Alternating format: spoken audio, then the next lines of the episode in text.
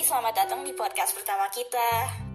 Oh iya, karena ini pertama banget, uh, jadi kenalan dulu nih. Gue Naiza. Gue Kalila. Nah, kali ini podcastnya agak beda nih dari yang lain. Iya, bener banget nih. Biasanya kebanyakan podcast itu tentang curhat-curhat gitu kan. Nah, kali ini kita bakal sedikit nge-podcast tentang yang berhubungan dengan pelajaran gitu nih. Jadi bakal lebih seru banget. Iya, bener banget. Jadi kali ini kita bakalan bahas tentang pelajaran PPKN nih. Nah, pasti kalian dari SD udah tahu dong pelajaran PPKN. Nah, di pelajaran PPKN itu pasti berhubungan banget dong uh, sama Pancasila, terus tentang UUD 1945, tentang kekuasaan dan lembaga apa aja sih yang ada beserta tugas-tugasnya. Nah, kali ini kita mau bahas uh, yang tentang lembaga-lembaga nih. Jadi ada beberapa uh, lembaga ya atau kekuasaan di Indonesia. Uh, yaitu ada lembaga legislatif, uh, lembaga yudikatif, dan lembaga eksekutif. Tapi kali ini kita bakal bahas lembaga yang mana nih? Um, kayaknya lembaga yudikatif dulu aja kali ya.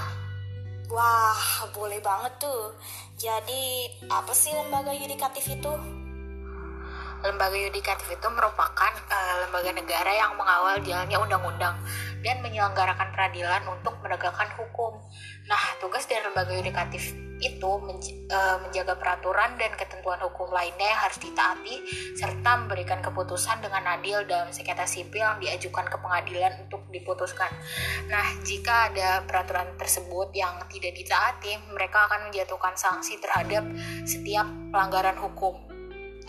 Uh, nah, di dalam lembaga yudikatif uh, terdiri dari tiga lembaga lagi nih yaitu ada MA atau Mahkamah Agung, MK Mahkamah Konstitusi dan juga KY atau Komisi Yudisial. Nah, di sini kita bakal bahas satu-satu ya. Jadi yang pertama ada MA atau Mahkamah Agung. Mahkamah Agung adalah pengadilan tertinggi dalam tingkatan pengadilan yang terdiri dari banyak da daerah hukum. Nah, sebutan lain untuk Mahkamah Agung ini meliputi pengadilan terakhir, uh, pengadilan tingkat akhir, terus uh, pengadilan penghakiman, pengadilan puncak, dan pengadilan tertinggi banding. Nah, tugas dari Mahkamah Agung ini adalah uh, yang pertama mengadili pada tingkat kasasi. Terus uh, selanjutnya ada menguji peraturan perundang-undangan di bawah undang-undang terhadap undang-undang. Nah, yang ketiga hmm, menjadi pengawas tertinggi penyelenggaraan peradilan. Uh, kemudian yang keempat uh, mengawasi hakim di semua lingkungan peradilan. Uh, yang kelima memberi pertimbangan hukum pada presiden dan yang keenam mempunyai wewenang lainnya yang diberikan oleh undang-undang.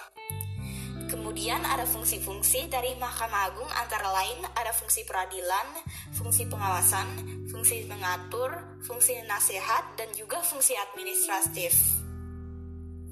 Lalu ada MK atau Mahkamah Konstitusi. Mahkamah Konstitusi merupakan lembaga tinggi negara dalam sistem ketatanegaraan Indonesia yang merupakan pemegang kekuasaan kehakiman bersama-sama dengan Mahkamah Agung. Mahkamah Konstitusi juga berhak untuk mencabut peraturan yang tidak adil dan bertentangan dengan undang-undang. Nah, lanjut ke tugas dari Mahkamah Konstitusi.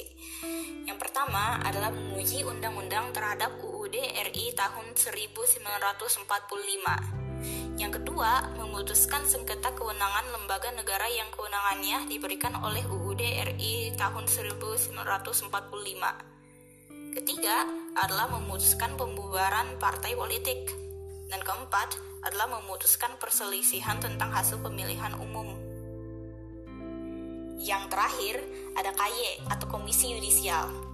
Komisi Yudisial adalah lembaga negara yang dibentuk berdasarkan UUD 1945 yang berwenang mengusulkan pengangkatan hakim agung dan mempunyai wewenang lain dalam rangka menjaga dan menegakkan kehormatan, keluhuran, martabat, serta perilaku hakim. Nah, kemudian selanjutnya ada tugas dari uh, KAI atau Komisi Yudisial. Yang pertama yaitu melakukan pendaftaran calon hakim agung, terus selanjutnya melakukan seleksi terhadap calon hakim agung, uh, selanjutnya uh, menetapkan calon hakim agung dan mengajukan calon hakim agung ke DPR. Nah, jadi itu sedikit pembahasan tentang lembaga edukatif ya. Uh, mungkin uh, cukup segitu dulu pembahasan dari kita. Uh, semoga bermanfaat buat kalian dan semoga juga dapat menambah pengetahuan uh, kalian. Uh, terima kasih juga udah meluangkan waktu buat dengerin kita. Uh, kita juga mohon maaf kalau misalkan ada kesalahan kata ya. Oke, uh, sekian dari kita berdua. Terima kasih. Salam semuanya.